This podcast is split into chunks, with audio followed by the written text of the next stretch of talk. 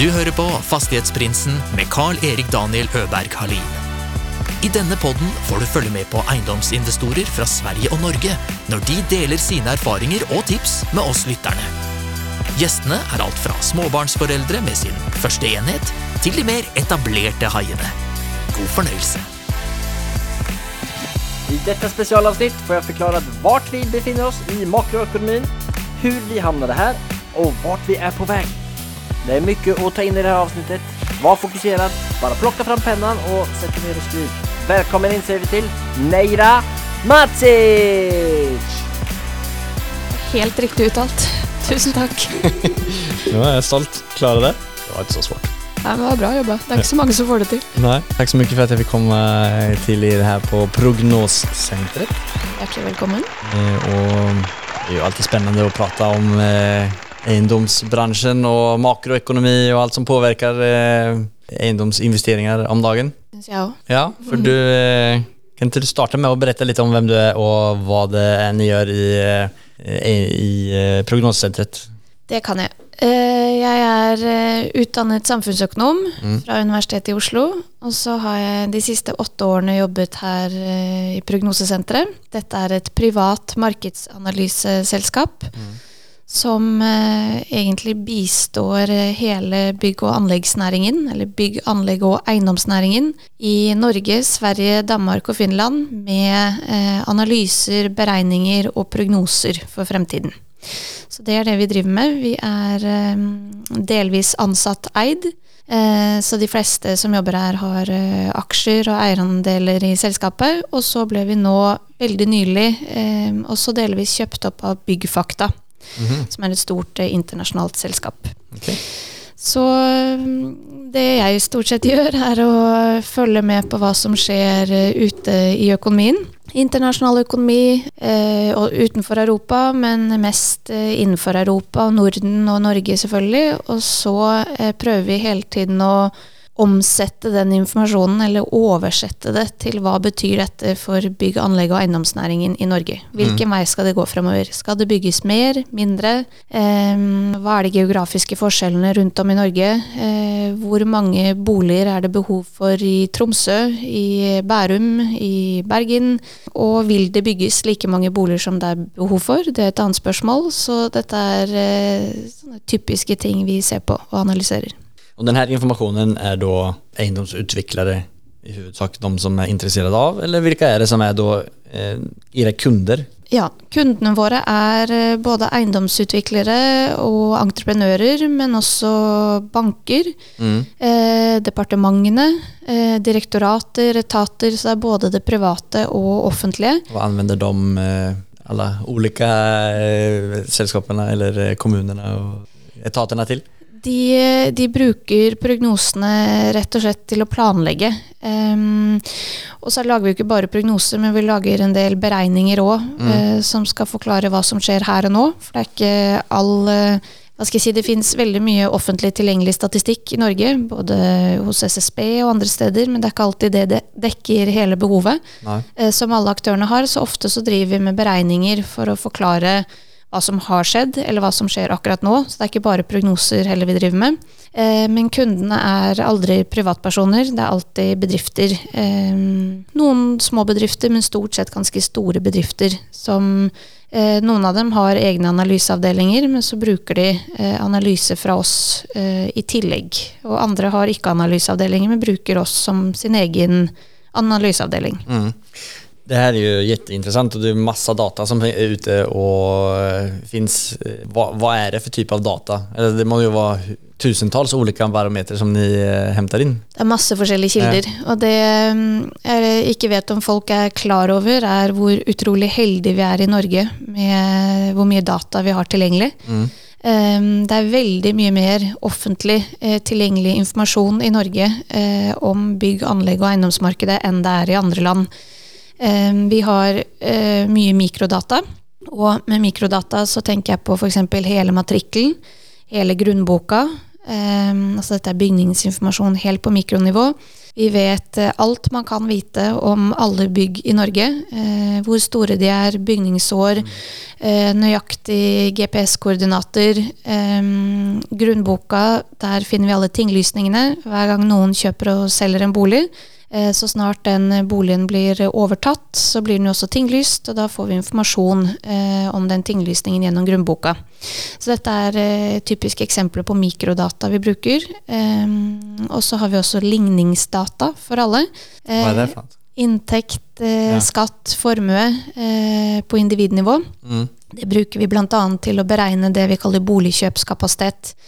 Da kan vi si noe om eh, helt ned på mikronivå, f.eks. grunnkretsnivå eller postnummernivå.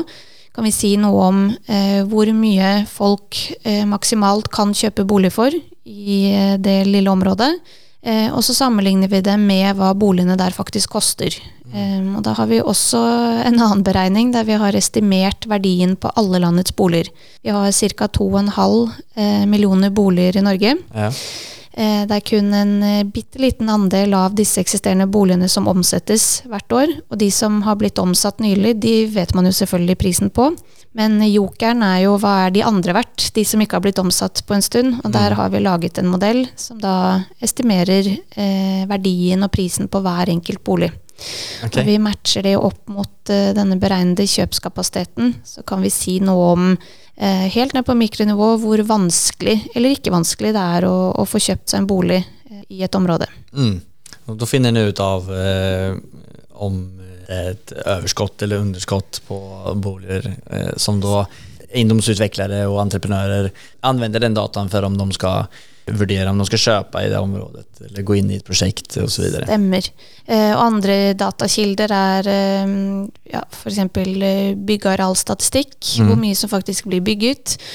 Og så har vi eh, masse spørreundersøkelser eh, som Prognosesenteret har kjørt siden 1978, da selskapet ble startet. Så vi har ganske lange tidsserier.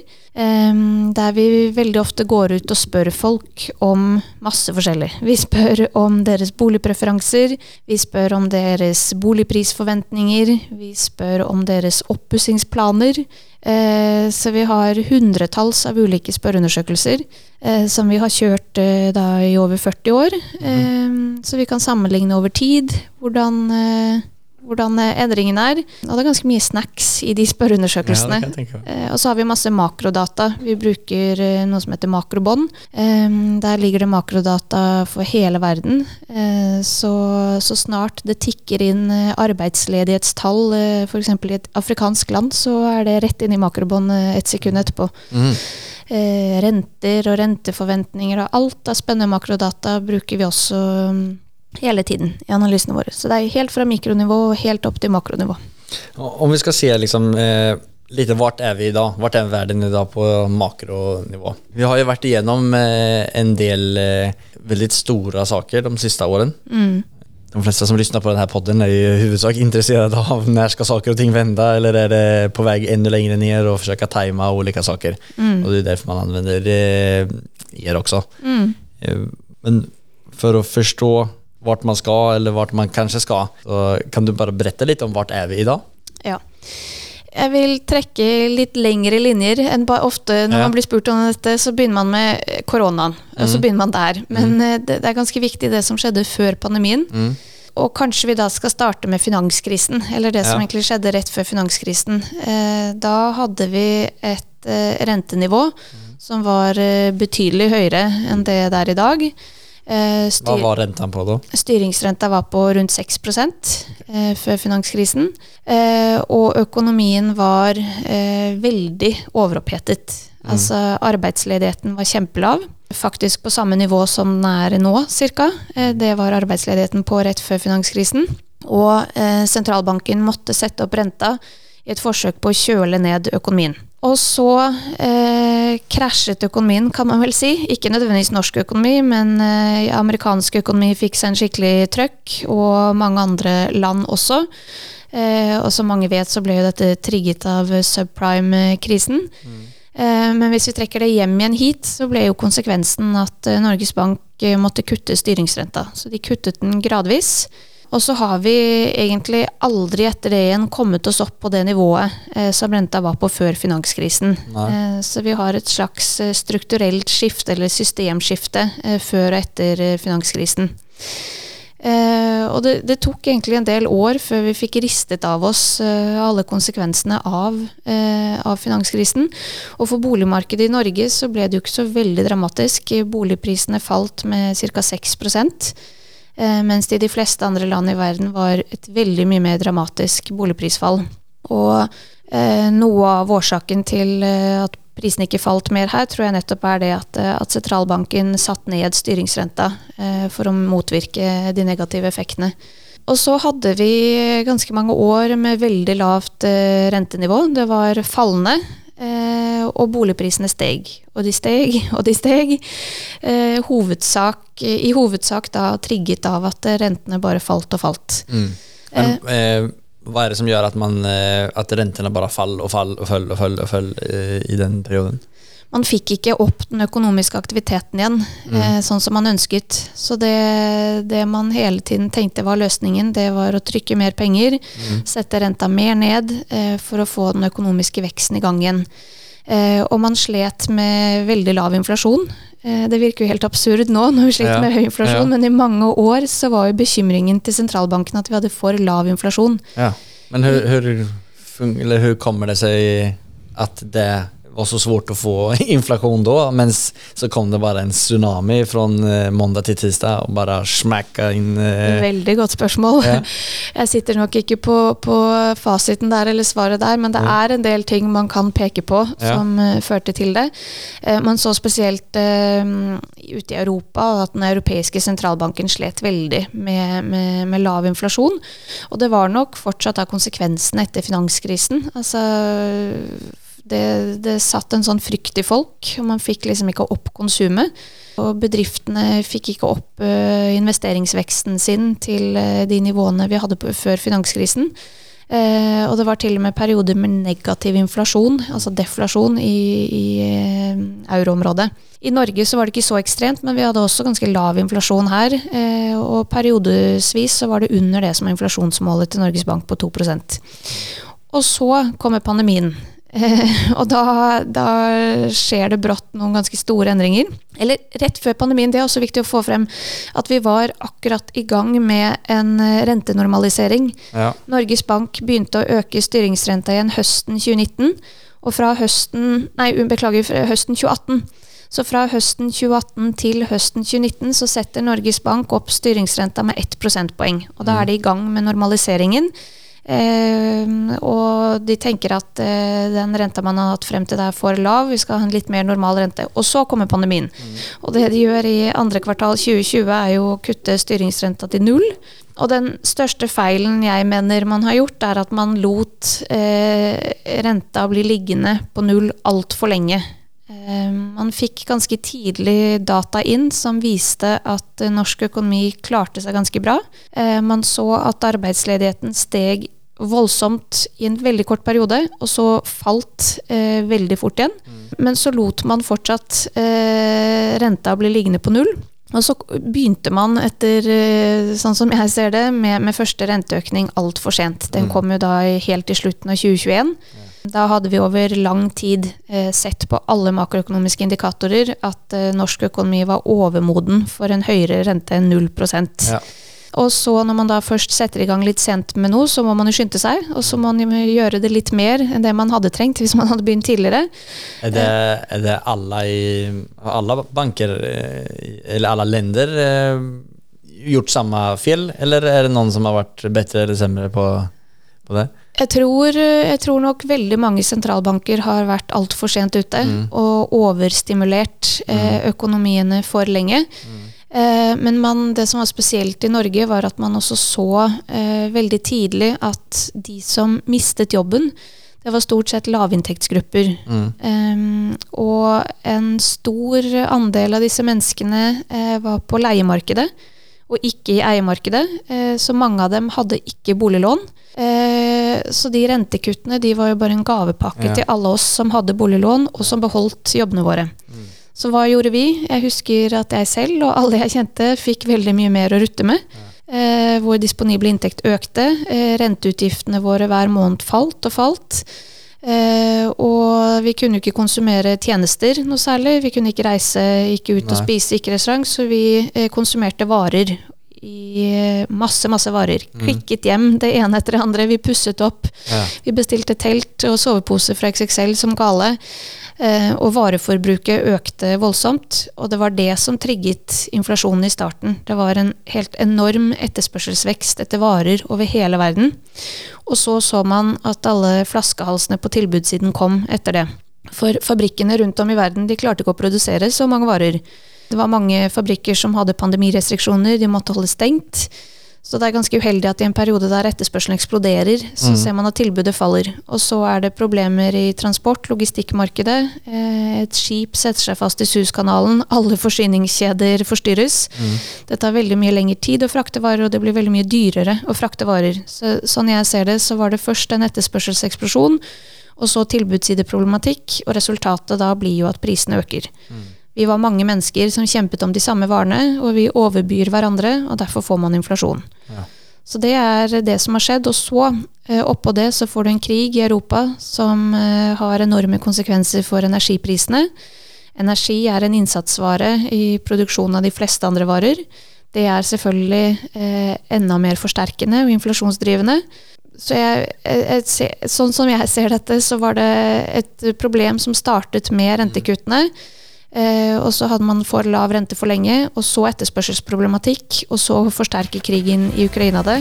Eh, og så sitter vi her nå med fortsatt veldig høy inflasjon. Ja. Mange av de her momentene er jo sånne saker som man kanskje ikke alltid har med inn i prognoskalkylen eh, de tre til fem til ti neste åren. Nei, ikke sant. Og når, når energiprisene eksploderte i, i fjor på denne tiden, etter at eh, Russland, eller kanskje bedre sagt Putin, invaderte Ukraina, em, så så man også for seg at uh, sant, når strømprisene nådde disse rekordhøye nivåene, så var det mange som tenkte at dette var den nye normalen. Men så ser vi at uh, strømprisene har falt igjen. Eh, man ser at energiprisene i, i Europa også har falt. Gassprisene falt veldig mye gjennom eh, andre halvår i fjor, spesielt gjennom høsten. Eh, og det er mange forklaringer til det. Man har klart å bygge ut LNG-infrastruktur. Eh, gasslagrene i Tyskland og i mange andre land i Europa har fylt seg opp veldig mye mer enn det man trodde. Frankrike har gjort masse vedlikehold på atomreaktorer og fått opp sin strømproduksjon, så det har Altså, man, man blir veldig sant, Når strømprisen eksploderte i fjor, så tenker man ok, da, plan, da, da blir prognosen at dette er de nye Ja. strømprisene i neste tre-fire år. Men så tilpasser jo markedet seg. Eh, det kom tilbud, nye, tilbud, og... Nye løsninger. Tilbudet øker, strømprisene faller, og det er veldig uforutsigbart. Mm. Ja, det er ekstremt oförutsägbart. Det må- måste Det det. så mange faktorer eh, som spiller inn i vanlige fall og så er det tre, fyra eh, såna här, eh, det händer nästan aldrig situasjoner situationer som eh, uppstår. Eh, Absolutt, og det, kanskje det største problemet vi mennesker har, er at vi hele tiden ser på det siste som, som har skjedd. Vi ser hele tiden i bakspeilet når vi skal se fremover. De fleste når de skal planlegge fremtiden, så tenker de på det som har skjedd det siste, og så blir de veldig preget av det. Og det er nok den store feilen alle vi prognosemakere og vanlige folk gjør, at vi lener oss altfor mye på det som har skjedd den siste tiden, istedenfor å prøve å forstå hva kan skje fremover. Eh, Kunne vi forutsett at eh, LNG-infrastrukturen skulle bygges ut såpass raskt? Kunne vi forutsett at gasslagrene ville fylles såpass raskt igjen? Været kan vi ikke forutse. Det var jo heldigvis en veldig mild vinter.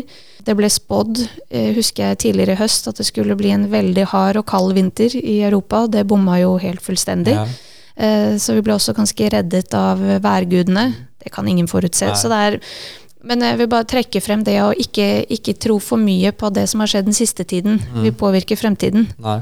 En sak som jeg har undret over når ni lager alle de her prognosene och får all den her datan så er det jo et menneskelig moment inne i det. Eh, F.eks. hvordan folk skal bete seg. Altså som det der eksempelet som du tok opp, at eh, man börjar köpa produkter. Det blir eh, stor efterspörsel på XXL sovpåsar och så vidare. är det en, en stor del i er prognos? Eh, Eller hur eh, stor del er det i så fall? Vi bruker en del skjønn, eh, men også til den skjønnsbaserte delen så prøver vi å bruke svar fra spørreundersøkelsene, for Ja. vi faktisk går ut og spør folk. Mm. Hva planlegger du og din husholdning å gjøre neste tolv måneder når det kommer til oppussing, kjøp av bolig? Eh, vil dere kjøpe eller selge bolig først? Hva tror du og dere om boligprisforventningene? Men det vi igjen opplever når vi spør folk, er at de i veldig stor grad lener seg på det som har skjedd den siste tiden. Og det har jeg sett når jeg har analysert dette boligprisforventninger-spørsmålet. Eh, så klarer ikke eh, dette spørsmålet her å, å fange opp at det kommer en endring i boligprisene. Så først etter at boligprisene har falt, så ser vi i neste måling at folks boligprisforventninger svekkes. Ja. Jeg har aldri sett at boligprisforventningene svekkes først Nei. mens det er prisvekst, og Mm. at boligprisene så faller. Mm. Og det er jo litt av problemet med å spørre folk om hva de tror om fremtiden. Fordi vi er så obsessed med det som har skjedd den siste tiden. Ja. Eh, Og det er jo også vanskelig for folk å forutse hvordan Norges Bank eh, kommer til å sette renta. Eh, Og den rentesettingen er veldig avgjørende for boligprisutviklingen. Og så er det forhold som utlånsforskriften, altså det som før het boliglånsforskriften. Mm. En endring i den eh, styrer boligprisene i veldig stor grad. Og der er det ingen andre enn de som eh, lager forskriften, som vet hva som skal skje med den. Nei. Det er helt utenfor vår kontroll. Låter som at det er et svårt jobb du har. Det er det.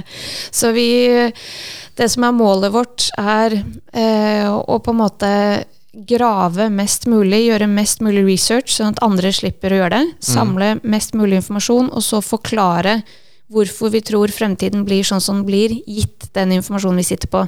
Så om boligprisprognosen er minus 2% eller minus 3% er sånn som vi ser det ikke så viktig, men det at vi forklarer hva som kan skje fremover med demografien, med renta, med lønnsveksten, med alt dette som styrer det, og hvordan vi tror summen eller nettoeffekten av dette blir, det tror jeg har en verdi. Eh, Men nødvendigvis om tallet blir eh, to eller tre, Ja. eh, det tror jeg egentlig ikke er så viktig. Nei. Nå har vi liksom sett litt på hva som ledde opp til der vi er i dag. Om vi skal begynne se litt framover, da. Det prates jo om at eh, rentetoppen börjar nærme seg nådd. Er det så?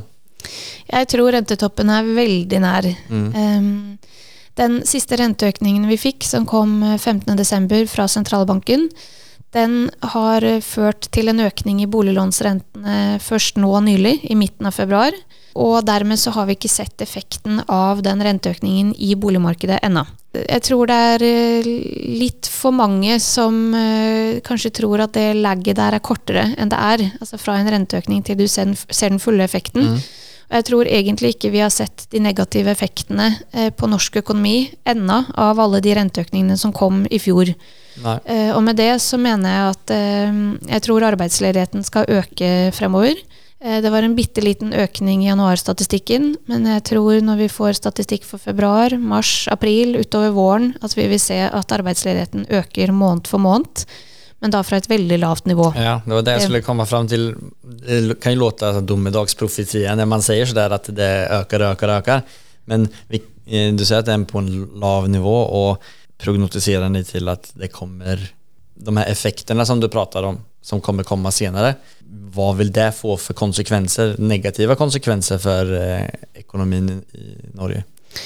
Eh, Jeg tror økt arbeidsledighet kommer til å komme hånd i hånd med svakere BNP. Mm. Jeg tror vi kommer til å ha kvartaler med negativ BNP-vekst. Eh, altså ikke bare det at eh, veksten faller i seg selv, men at den faktisk er eh, under null, sånn at BNP-nivået faller. Og det tror jeg kommer til å påvirke Norges Bank sin rentebeslutning fremover òg, når, når disse dataene kommer inn. Så enn så lenge så viser eh, BNP-statistikken at det er eh, overraskende positive tider fremdeles for AS Norge. Altså landet gjør det bra økonomisk sett. Men jeg, jeg tror det første vi kommer til å se eh, nå fremover, er at husholdningenes forbruk faller. Privat konsum faller som en konsekvens av renteøkningene. Eh, og at det rett og slett kommer til å være en del eh, dårlige nyheter eh, fremover. Som også kommer til å påvirke rentesettingen. Eh, jeg tror inflasjonen skal ned. Det er jeg ganske overbevist om, men jeg tror det kommer til å ta lang tid før vi er nede på 2% som er målet. Men at, eh, at tolvmånedersveksten eh, er lavere om tre måneder og om seks måneder og ni måneder enn det den er i dag, det er jeg helt sikker på. Og så tror jeg kanskje at vi får, hvis det kommer en renteøkning til, så tror jeg den siste renteøkningen blir i mars. Eh, og, da vil boliglånsrentene eh, nå en topp en gang i midten av mai. Og så tar det et par måneder etter det der boligmarkedet finner en ny likevektspris og tilpasser seg til det nye rentenivået. Og så tror jeg boligmarkedet kommer til å snu etter det. Så jeg tror at det comebacket vi har sett i boligmarkedet i januar og februar, det tror jeg er kortsiktig. Mm. og at det er trigget av eh, endringen i utlånsforskriften. Eh, og så tror jeg egentlig mars og frem til sommeren kommer til å bli litt tøffere igjen. Et par måneder der med fallende boligpriser, svakere etterspørsel, eh, det tror jeg er helt eh, uunngåelig. For jeg tror altså at eh, denne renteeffekten ikke er tatt ut ennå. Som eiendomsutvikler eiendomsutvecklare investerer i denne markedet, hva, hva vad det smarteste å gjøre då? Å ha et langsiktig perspektiv og egentlig drite i om boligprisene faller eller stiger eh, en måned eller to måneder, det har jo egentlig ingenting å si. Nej. Eh, man må tenke langsiktig, og så må man tenke på hva er de langsiktige driverne i boligmarkedet. Jo, det er demografi, det er befolkningsvekst, og det er eh, den langsiktige renta. Det er det som har noe å si. Om det spretter opp og ned i januar, februar, mars, har ekstremt lite å si. Og hvis vi skal snakke om de langsiktige prognosene her, så ser det annerledes ut. For da, da har boligbyggingen også ganske mye å si, altså boligtilbudet. Eh, De siste to årene så har byggekostnadene steget voldsomt mye, og de er på et veldig høyt nivå. Eh, Og det er da kombinasjonen av høye byggekostnader og renteøkninger som har ført til at salget av nye boliger falt dramatisk mye gjennom fjoråret. Og så er det ikke før nå at vi ser at igangsettingen av nye boliger faller. Det tar Ja. litt tid før salget faller til igangsettingen faller. Eh, men nå har vi sett det i to måneder, og vår prognose er at igangsettingen i 2023 kommer til å bli ganske mye lavere enn det den var i fjor. Og det betyr at eh, ca. to år frem i tid så tilføres det mange færre nye boliger ut i markedet enn det det gjør nå. Ja. Det vil helt klart være prisdrivende. Kanskje spesielt i Oslo så forventer vi at i 2024 og 2025 eh, så vil den lave tilbudssiden eh, kunne føre til at prisene igjen eh, øker mer enn det som er normalt. Og så er det renta langsiktig. Der ser vi at markedet f.eks. i USA priser inn at styringsrenta i USA om to år er to prosentpoeng lavere enn i dag. Det er en ganske viktig eh, faktor å ha med i bakhodet, selv om det ligger an til flere renteøkninger nå på kort, kort sikt. Så mener altså markedet at renta skal ned igjen eh, om to år. Okay. Hur, hur eh, får man fram den prognosen eller forventningen? Eh, är det här liksom den nye nivåen som man skal forvente seg? Altså rundt 2-3 Er det det som det ligger på då? Jeg tror en, eh, en styringsrente i Norge eh, på rundt 2 eh, er det man i hvert fall må planlegge for på lang sikt. Hva er den idag? Eh, 2,75 Mm. Etter den siste renteøkningen, og så får vi kanskje en rente på 3 hvis Ja. det kommer en renteøkning til. Men eh, som sagt så tror jeg at eh, vi kommer til å få en del eh, dårlige nyheter for norsk økonomi gjennom 2023, Mm. eh, som kommer til å, da i takt med at inflasjonen faller, eh, som kommer til å trigge et eh, rentekutt en eller annen gang, ja, kanskje helt i slutten av 2023 eller i begynnelsen av eh, 2024. Fins det noen negative effekter av de positive nyhetene som du sier her for för de som vil høre at renten går ned og at boligprisene går opp? Er det noen gruppe eh, i samfunnet som vil komme semre ut av en sånn eh, utveckling? Eh, Det, det som har skjedd nå den siste tiden, er at man har sett en veldig klar todeling i boligmarkedet, der leieprisene har økt mye mer enn eieprisene. Leieprisene økte med 7,5% i fjor, ifølge Eiendom Norge sin leieprisstatistikk. Det var veldig mye mer enn det eieprisene økte. Eh, De sto, hvis vi ser på tolvmånedersveksten i desember, sto de omtrent stille, ja. sammenlignet da med desember året før. Og hovedforklaringen til det er de ukrainske flyktningene. Eh, Det kom ca. 40 000 ukrainske flyktninger i fjor, og norske kommuner har da etterspurt private leieboliger for dem, for å bosette dem. De har bosatt dem, eh, og i tillegg så har det vært økt etterspørsel også fra studenter og arbeidsinnvandrere. Eh, og dette har da skjedd samtidig som at tilbudet av leieboliger har falt. Fordi sekundærboligantallet og andelen har falt. Og så oppå det igjen så kan man øke eh, leieprisene med konsumprisveksten. Og når konsumprisveksten har vært høy, så får du da denne kombinasjonen som fører til at eh, leieprisene øker ganske mye. Så jeg tror eh, det egentlig også vil prege 2023, at leieprisene øker mer enn eieprisene. Og det kan jo være eh, viktig å ha med seg i bakhodet hvis man eh, vurderer å kjøpe en bolig for å leie ut. Om man nødvendigvis ikke får prisvekst med en gang på selve boligen, eh, så kan man få ganske pen leieprisvekst. Ja. I hvert fall en stund til. Men litt sånn lengre ut i horisonten, altså 2024 og 2025, så mener jeg at det ligger an til en prisvekst i eiemarkedet igjen, trigget av et eh, lavere tilbud. Mm. Ser du något spørsmål som, som alla era kunder spør ekstra mye just nu, som de kanskje ikke har vært lika fokuserade på tidligere? Er dette med byggekostnader. Ja. Eh, Det siste året så har det tatt helt av med forespørsler vi får om byggekostnadsanalyser og prognoser. Um, og det, det som er litt spesielt der, er at uh, halvparten av byggekostnadene er uh, lønnskostnader. Eh, Ja. Arbeidskraftskostnader. Det er i hvert fall basert på den byggekostnadsindeksen til SSB.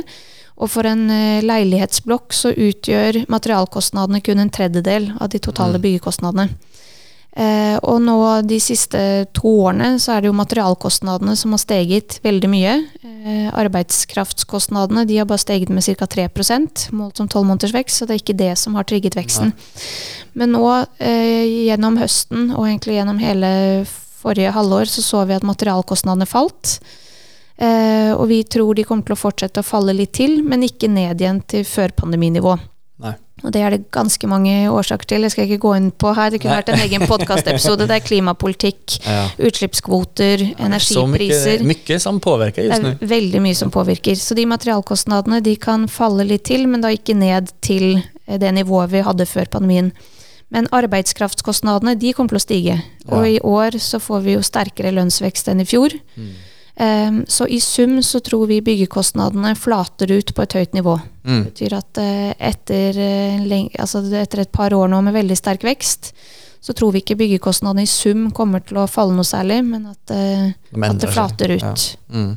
Og det er ganske viktig for, for byggingen fremover. Altså hvis man, hvis man klarer å regne hjem et prosjekt på dagens byggekostnadsnivå, eh, så er det greit. Da kan man planlegge for det utover året. Men hvis man sliter på dagens nivå, bare sitter og venter på at byggekostnadene skal falle for at Mm. man skal klare å bygge ut, Ja. så tror jeg man kan bli Man sittende og vente strategi. lenge. Ja, da må du bytte strategi. Stemmer.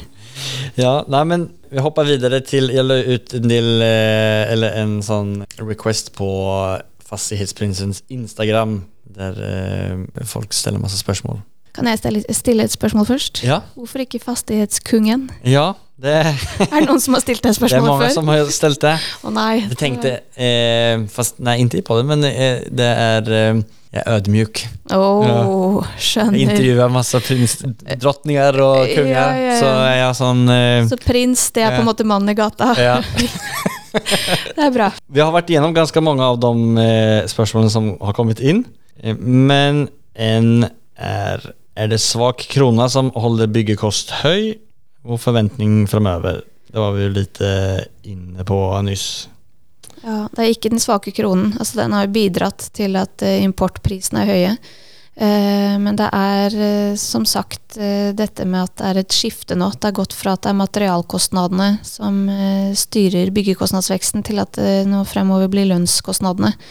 Eh, men selv på materialkostnader så ser vi ikke sant, stålprisene de eksploderte etter at krigen i Ukraina startet. Mm. Eh, og så falt det ganske mye, fordi eh, andre land klarte å øke sin produksjon. Trelastprisene de har falt veldig mye, men så er det en del sånn klimapolitiske kostnader som kommer med her, som gjør at det på lengre sikt ikke blir mulig å produsere byggevarer like billig som før. Du må rett og slett betale med CO2-prisene har økt. Eh, det koster mer å produsere alle disse varene. Eh, et annet spørsmål er Når tror, eh, når tror du nyboligproduksjonen vil være oppe og går igjen? Jeg tror salget av nye boliger kommer til å snu etter sommeren. Eh, og jeg tror den lettelsen i utlånsforskriften som går på egenkapitalkrav i Oslo, eh, fra og med begynnelsen av 2017 og frem til i dag, så har det jo vært sånn at du må ha 40% egenkapital hvis du skal kjøpe sekundærbolig i Oslo. Nå er det nede igjen på 15% Det kommer til å føre til økt salg av nye boliger i Oslo, men jeg tror folk venter til man er sikker på at rentetoppen er nådd. Mm. Og til eh, de som er mulige investorer føler at eh, bunnen i markedet er nådd. Eh, og det tror jeg kan skje en eller annen gang i løpet av sommeren. Eh, og at salget av nye boliger da stiger i andre halvår i år. Eh, og da vil igangsettingen ta seg opp i 2024. Det, er litt sånn tidsetterslep her. Ja. Hva, hva har du for tips til eh, alle eiendomsutviklere i dag?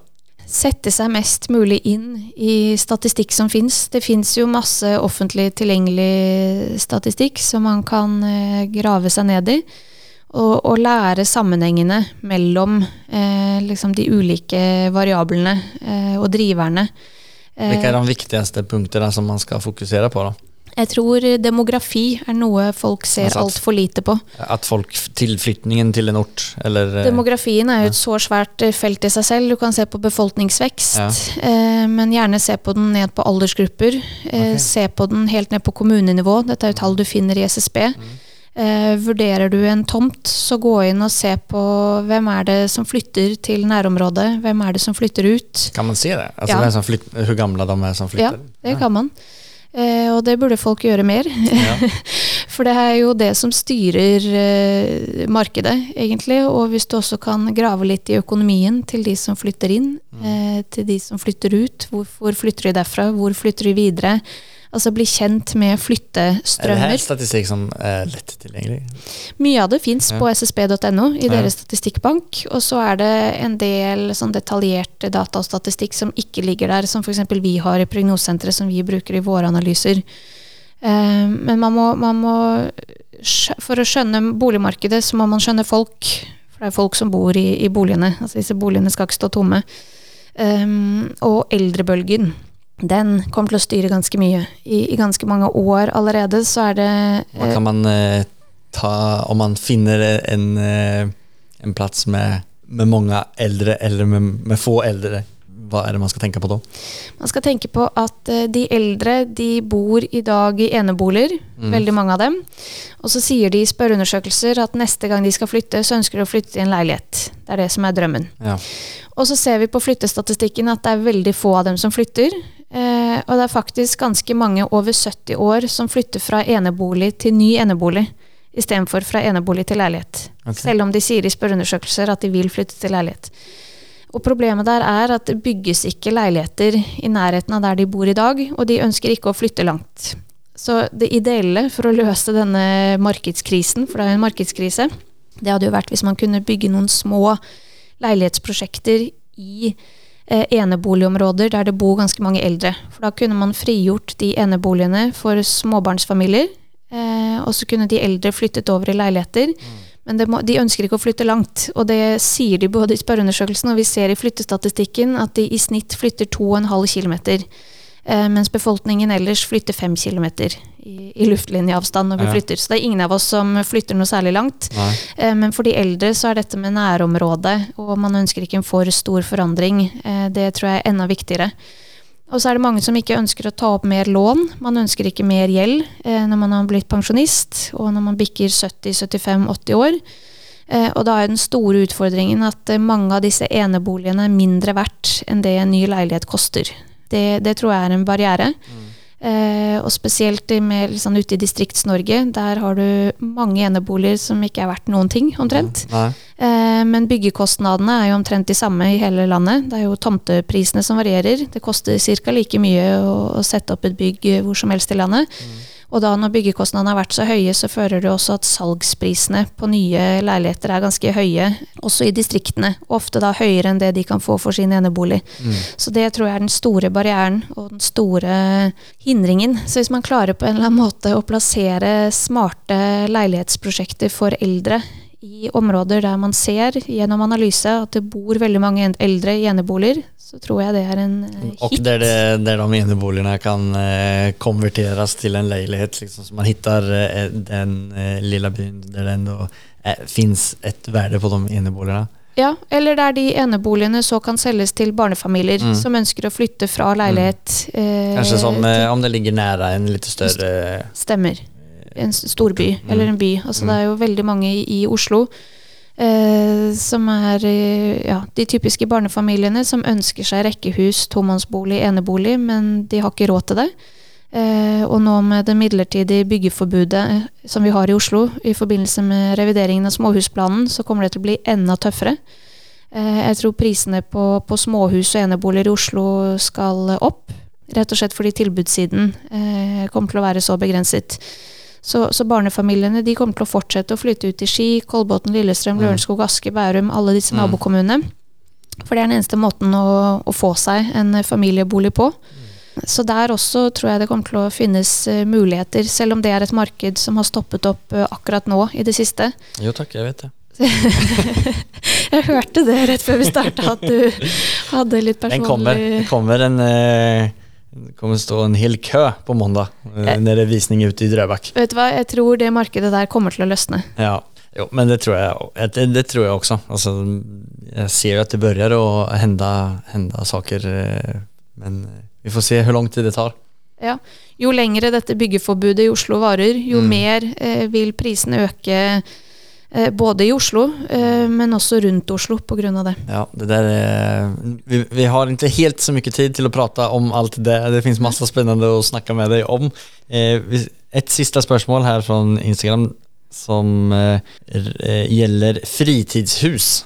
Ja. Altså den eh, marknaden. Det er mange som eh, å hoppe på den eh, böljen som bare skjøt i taket i pandemien. Um, og noen som sitter i de trista posisjoner eh, just nu har jeg merket. Mm. Eh, hur ser prognosen ut om det?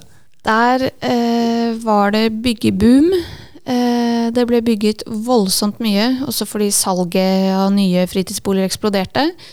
Eh, og så har eh, mange av disse nye fritidsboligene blitt ferdigstilt, sånn at det er veldig mye mer å velge mellom. Det er et stort tilbud. Eh, og samtidig så har vi sett at etterspørselen har falt pga. Mm. høyere strømpriser, renteøkninger og alt som er. Men eh, vi har hele tiden ment eh, gjennom hele pandemien og gjennom det som har skjedd den siste tiden, at, at det ikke kommer noe krakk i hyttemarkedet. Jeg tror ikke det kommer til å kollapse på noen måte. Jeg tror bare vi skal ned igjen til det som var vanlig før pandemien. Ja. Så jeg tror vi får en normalisering der både antall omsetninger i bruktmarkedet og salg av nye fritidsboliger og eh, hele aktiviteten kommer til å stabilisere seg på et sånt 2019-nivå, som vi da, hvis vi bare spoler tilbake til 2019, omtalte som rekordhøyt. Ja. Eh, alt var jo rekord i 2019, og så kommer pandemien, og så eksploderer alt i tillegg. Det, det glemmer vi. Ja, ja, ja. Eh, man tror at bare for at det var sånn som du sier, i forrige året så er det det nye. det det og så nye, man, eller så refererer man til det som at det er en krakk, Men at då kommer det bare kanskje normaliserer seg lite. ja, jeg ville kalt det normalisering. Men allting går vel liksom lite i bølger, og så blir det liksom en lineær linje. Ting bør gå i sykler og i bølger, men mye har bare pekt oppover. Mm. Ja. Det er litt av problemet her. Ja. Det- Men skal det, skal det pekes oppover for alltid? Eh, jeg tror den langsiktige trenden for mye her er eh, svakt oppover, men Mm. at det i perioder vil være opp og ned. Mm. Det tror jeg. Og for, for hyttemarkedet òg, så ser vi at eh, det er eh, fremdeles en sånn underliggende ganske stor etterspørsel. Eh, det er mange i Norge som ønsker seg hytte, som ikke har Mm. hytte i dag. Mm. Um, og jeg tror hvis eh, renta nå hadde blitt kuttet, og hvis eh, strømprisen Hvis noen kunne gitt oss en garanti på at strømprisene ikke kom til å være så skummelt høye de neste fem årene, så ville du sett at hyttesalget økte ganske Ja, raskt. just det. är en stor effekt for dem ja. Ja, så jeg, og det, det har jo faktisk spørreundersøkelse på. Vi har Ja. spurt folk eh, hva er det som er den største hindringen for deg og din familie fra å kjøpe hytte nå. Og nummer én er eh, renteøkninger og strømpriser. Mm. Helt klart eh, de to effektene folk er mest redde for. Så så snart dette snur, så snart man er sikker på at rentetoppen er nådd, og hvis strømprisene stabiliserer seg på et litt lavere nivå, så tror jeg dette er et marked som også kommer til å komme i gang igjen. Men det, det som skjedde under pandemien, er jo helt unormalt. Så vi, vi, bør ikke etterstrebe eller ønske oss tilbake til det. Eh, men hvis vi får en stabilisering på sånn førpandeminivå, så er, bør det være mer enn godt nok. Efter det her samtalet så tror jeg at jeg kommer å tenke på analyser og altså, anvende talen på et Forsøke å anvende dem på et bedre sett, i alle fall. Det håper jeg. Ja, er är, du, er du, du er jo, i og med at du er litt absest, eller nå legger jeg ord i munnen på det, men i tal og analyser, kommer du lese, Leser du liksom analyser til godnattsaga og sånt eller? Ikke til godnattsaga, ja. men i løpet av en dag så leser jeg ganske mange analyser, andres ja. analyser, og prøver å lese meg opp på alt det som fins uh, eh, av info. Ja. Uh, og det, det, det, blir publisert så utrolig mye bra stoff som jeg tror leses av veldig få mennesker. Som et eksempel, nå høres det ut som jeg reklamerer for SSB, men hvis mm. man går inn på ssb.no, fins det masse bra der. Mm. Um, og Prognosesenteret publiserer uh, masse vi, vi, vi, selger jo tjenestene våre ut til kunder, men vi har f.eks. en blogg, mm. Prognosekanalen, der vi publiserer masse gratis innhold. Uh, litt for å trigge interessen, og kanskje noen vil kjøpe noen analyser etter det, men det er mye gratis innhold der som er Det gir innsikt. Uh, og jeg liker jo å lese andres analyser, og jeg tror det er ganske mye innsikt å hente i, i våre analyser òg. Har du noen tips på hvordan man kan enkelt använda eller hur ska tänka när man har alla analyser och data för att kunna fatta beslut på det? Finns det något verktyg för hur man ska liksom processera sig gjennom det? Man kan jo starte med å sette opp et Excel-ark med all informasjonen ja. eh, man har. Og så kan man jo prøve, hvis man eh, vet hvordan man eh, kjører en regresjon, Eh, jeg vet ikke ens hva det er. Du vet ikke, Nei, da dropper vi det. Ikke, ikke regresjon. Eh, poenget med en regresjon er jo å se på hvordan sammenhengen historisk har vært mellom størrelser. Altså hvordan har renteøkninger historisk påvirket boligprisene? Hvordan har strømpriser mm, historisk mm, påvirket mm. hytteprisene? Ja. Men da igjen henger vi oss opp i historikken. Ja, da ser man på liksom den her grafen går så, og så den strømprisgrafen ja. går så, og så ser man om det henger Forholdet sammen. Forholdet mellom dem. Og liksom da kan du kvantifisere hvor hvor mye betyr en renteøkning på ett prosentpoeng? Hvor mye betyr det for boligprisene, ja. isolert sett? Ja. Men så kommer jo aldri en renteøkning uten at det har skjedd andre ting òg. Mest sannsynlig har inflasjonen økt, ja. arbeidsledigheten falt. Mm. Eh, så alt dette må inn i modellen. Du ja. må få med deg alt inn i en regresjon.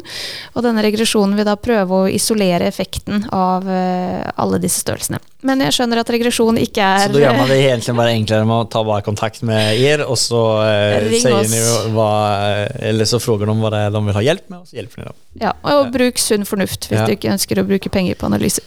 Yes, nej, men tack så jättemycket Neira för uh, att jag fick uh, pick your brains om uh, allt som har varit och vart vi ska kanske komma framöver. och jag har i hvert fall lärt mig massor och skapat massa tankar på hur jag ska använda data och hur jag ska tänka i kommande tiden. Tack för att jag fick vara med på detta och för en hygglig samtale. Ha en fin dag vidare så ska jag släppa dig härifrån. Ha Tack det. detsamma. Ha det. Det här avsnittet ska jag lyssna på igen. Jag behöver verkligen därför förstå de viktigaste punkterna Neira tar upp och så älskar jag att lyssna på mig själv. Nej men skämt åsido så var det så många saker som jag tar med mig efter det här samtalet. Exempelvis att det är så lätt att ha ett kort perspektiv på sitt minne. Eller att bli duktigare på att analysera och vara kreativ med den datan som finns tillgänglig. Till exempel, eh, är det en större procentandel pensionärer i ett område kan det kanskje bety at mange villor blir til salu snart og det i sin tur åpner opp for at det kanskje blir et overskudd som betyder lavere priser.